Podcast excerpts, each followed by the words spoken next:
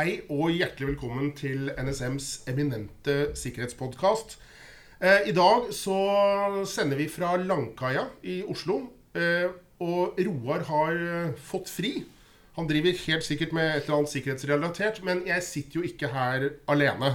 Det ville blitt en veldig enspora podkast. Jeg har invitert med meg to gode kollegaer fra Langkaia.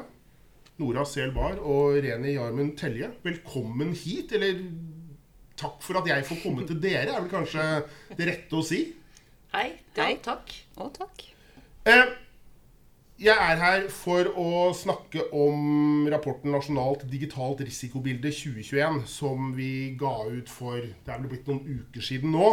Eh, og det er jo en rapport vi har produsert i hvert fall de seks siste årene, så vidt jeg har uh, klart å telle.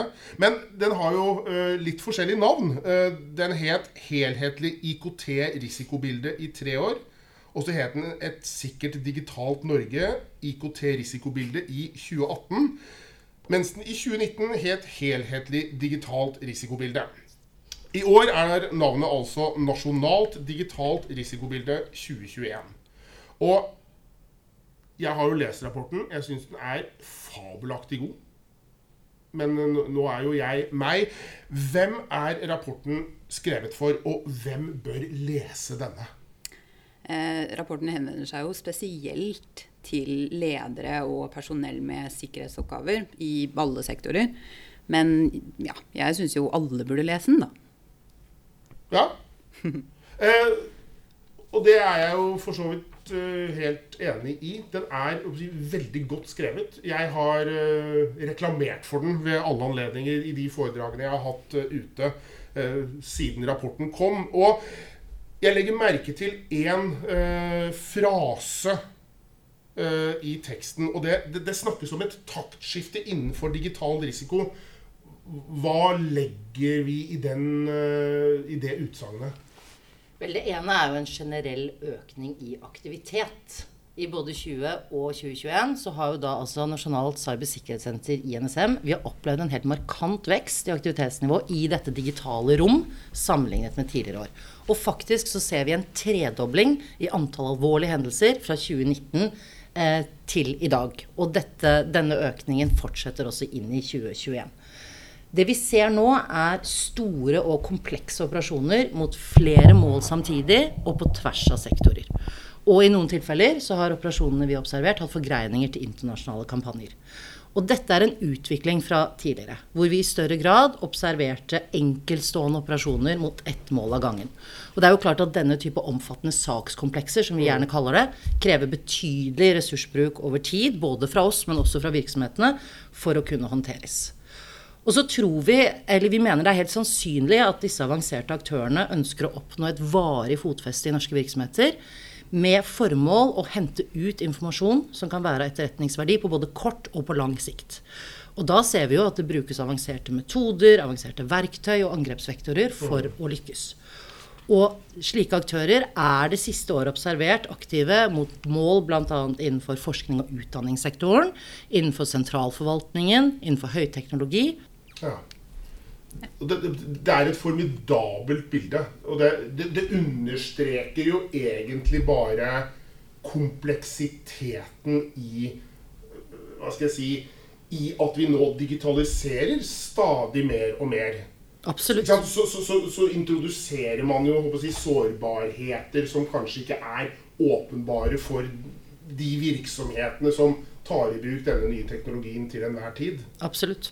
Em, vi kommer jo heller ikke unna dette med ransomware, eller hva heter det på norsk? Utpressningsprogramvare er vel liksom sikkert noe Språkrådet eh, kaller det. Eh, hva er situasjonen eh, der? Eh, Ja, det er jo en annen av disse trendene vi ser. Det er jo at digitale operasjoner får synligere konsekvenser. Og da tenker vi jo spesielt på eh, digital utpressing eller da løspengevirus. Eh, for gjennom året har vi sett at digital utpressing har økt både i omfang og i antall. Eh, vi ser at norske virksomheter i mange, risiko, nei, i mange sektorer rammes. Eh, og dette her ja, understreker jo et viktig poeng at digital utpressing eh, har et veldig bredt nedslagsfelt.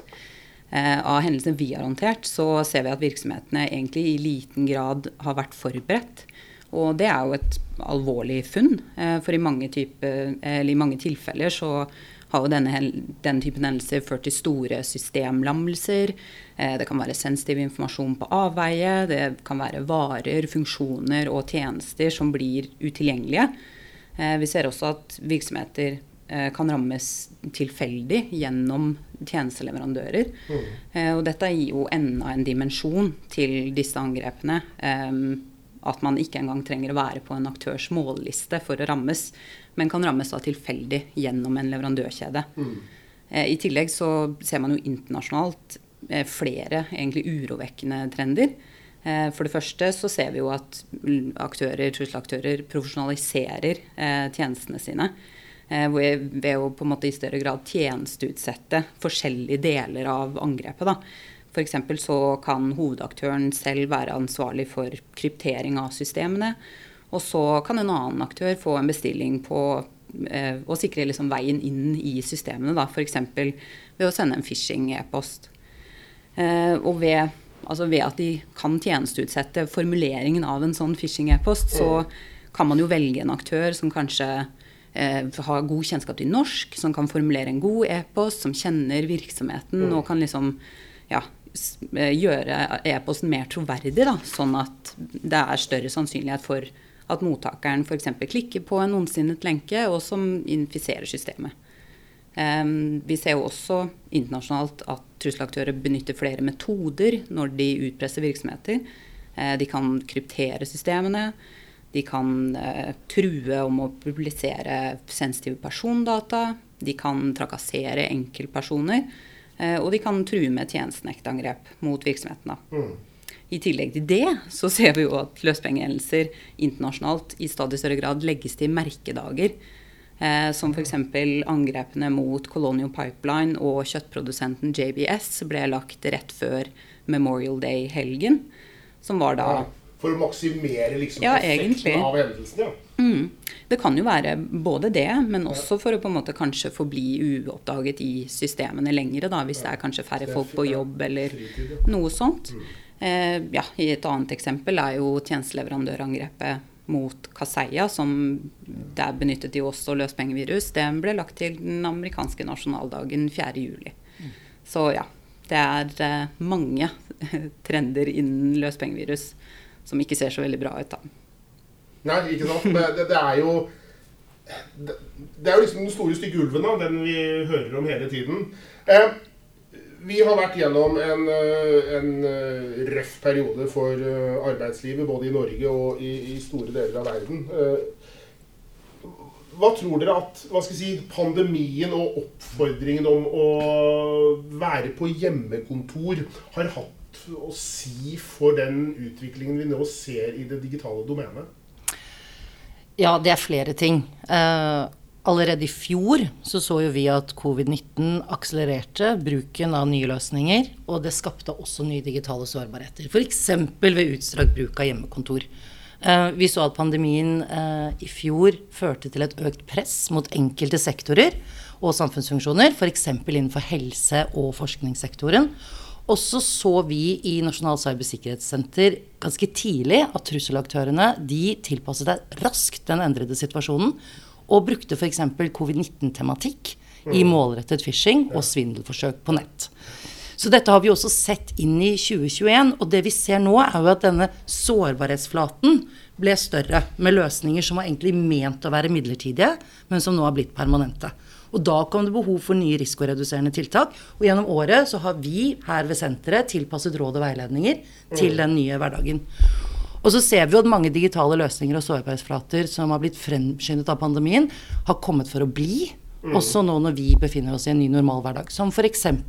utstrakt bruk av hjemmekontor fremdeles. Så, så, så, dette betyr egentlig at alle virksomheter som nå skal eh, sette seg ned og, og, og kanskje gjøre en vurdering av hva slags arbeidsliv skal de kunne tilby sine ansatte i fremtiden, de må tenke på disse elementene her, de. Når, når, de skal hva skal si, vurdere fordeler og ulemper ved å ha sine ansatte på hjemmekontor, så er jo definitivt digital sikkerhet en veldig tung stein på den ene vektskålen, som fortjener formidabel uh, attention. Det er, ikke, det er, ikke, så enkelt og så lettvint som veldig mange skal ha det til. Nei, og vi håper jo at sikkerhet og digital sikkerhet står i fokus. Ja. Uh, og at det er noe man tenker over. At man gjør gode risikovurderinger. At man mm. gjør gode risikoreduserende tiltak for å skape en så trygg uh, digital jobbhverdag som overhodet mulig.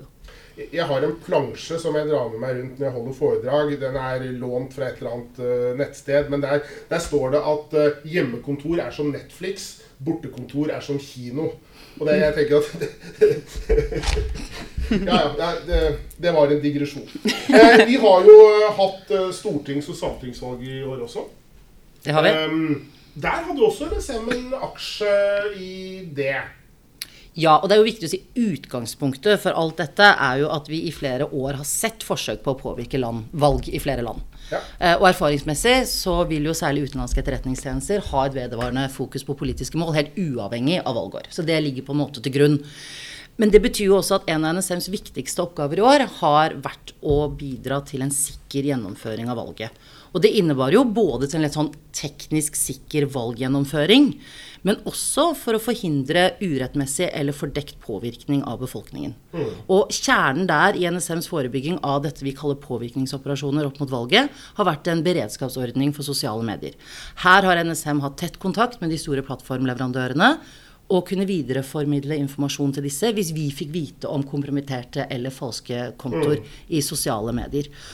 Og nå som rapporten er publisert, så er det jo noen måneder siden vi hadde valg i Norge. Mm. Og det er viktig å understreke at NSM ikke har sett en koordinert innsats for å påvirke valget i Norge i år. Eh, men det betyr jo ikke at tiltakene som har vært implementert, har vært forgjeves. Det betyr jo egentlig bare at vi kan si dette med en større grad av sikkerhet. Ja, og det er jo sånn at når du setter inn noe forebyggende, så kan jo faktisk resultatet være at de har fungert. Og at Nettopp. man ikke liksom har sett noe uh, knyttet Ble det noen saker knyttet til sosiale medier? Vi hadde noen ja. hvor vi bisto. Ja, hvor det dukket opp noen falske Twitter-kontoer eller noe. Det er liksom det vanlige, det. Når mm. i hvert fall noen ny regjering er på plass, mm. så tar det jo ofte ikke veldig lang tid eh, før det dukker opp noen falske, falske kontoer som raskt får veldig mange følgere. Mm. Og så har jeg bitt meg merke, og jeg skal ikke si at det er med glede, uh, egentlig. Uh, det er jo egentlig litt synd. Men samtidig så understreker det vel egentlig bare hvor riktig det var den gangen vi gjorde det. I, rapporten står det alle digitale hendelser kunne vært unngått eller begrenset ved å ta i bruk NSMs grunnprinsipper for IKT-sikkerhet. Hva betyr det? Det betyr jo egentlig at når vi møter virksomheter som har vært utsatt for en hendelse, så opplever vi ofte at det er flere av dem som ikke har helt grunnleggende digitale sikringstiltak på plass. Det kan være Ikke det helt mest banale engang? Ja. Det kan være manglende logggrunnlag som gjør at det er helt umulig å få en total oversikt over omfanget av en, av en hendelse. Eh, det kan være at man ikke har en nettverksskisse over hvordan nettverket i virksomheten er bygget opp. Og så er det jo viktig å si at det holder jo ikke bare med de tekniske tiltakene. Grunnprinsippene for IKT-sikkerhet er jo veldig tekniske. Mm. Eh, men vi må jo også huske på de menneskelige og prosessuelle tiltakene. For det er jo mm. alle tre til sammen yes. som reduserer risiko. Så det er ikke bare enkeltvis. Man må tenke helhetlig på det forebyggende sikkerhetsarbeidet. Mener vi, da. Og så ser vi jo at det, det har nok de siste årene vært en økende bevissthet rundt digital sikkerhet. Ja. Men vi ser at ikke alltid den bevisstheten har blitt omsatt til handling hos alle virksomheter. Og vi mener jo at uh, digital sikkerhet må være et tema i alle styrerom mm. og i alle ledergrupper. Ja, og vår uh, nye sjef, Sofie, har vel også gått ut og sagt at det bør være IKT, cyberkompetanse, hos minst ett menneske i et uh, styre. Og det, dette begynner å bli såpass viktig, mm sagt meget underdrevet, at selv om det digitale ikke er virksomhetens kjerneområde, så er dette etter hvert blitt så fundamentalt for å drive butikk i Norge mm. at dette skal man jo ha fokus på. Eh, rakner det der, så rakner jo alt uhyggelig fort. Men dette betyr at norske virksomheter stadig har eh, mye å henge fingrene i. det. Ja, e egentlig så har de jo kanskje stadig litt, eh, litt, å jobbe med. Det er jo litt sånn som Reni sier òg, at det er kanskje blitt en større, en større bevissthet. Eh, og det er vi jo veldig glade for. Vi er veldig glade for at det gjøres risikovurderinger og verdivurderinger eh, og ja, den type ting. Men eh, ikke hvis konklusjonen er at man alltid aksepterer risikoen. Eh, noen ganger så må man jo ta, ta, det til følge hvis det er en økt risiko, og, mm. og omsette dette til handling. Eh, det, og det kan jo være dyrt eh, å forbedre, forbedre, sikkerheten i virksomheten. Men jeg vil si at det er nok dyrere å bli utsatt for f.eks. et storskala løspengevirusangrep. Bl.a. Østre Toten kommune opplevde jo Eh, opplevde jo et sånn type angrep og har brukt massive summer på å gjenopprette systemene sine, i tillegg til at det selvfølgelig har tatt veldig lang tid. Jeg mener jeg leste et at det kostet 32 millioner bare for å gjenopprette systemene. Og dette var jo uten at de betalte noe løspengekrav også. Eh, så ja.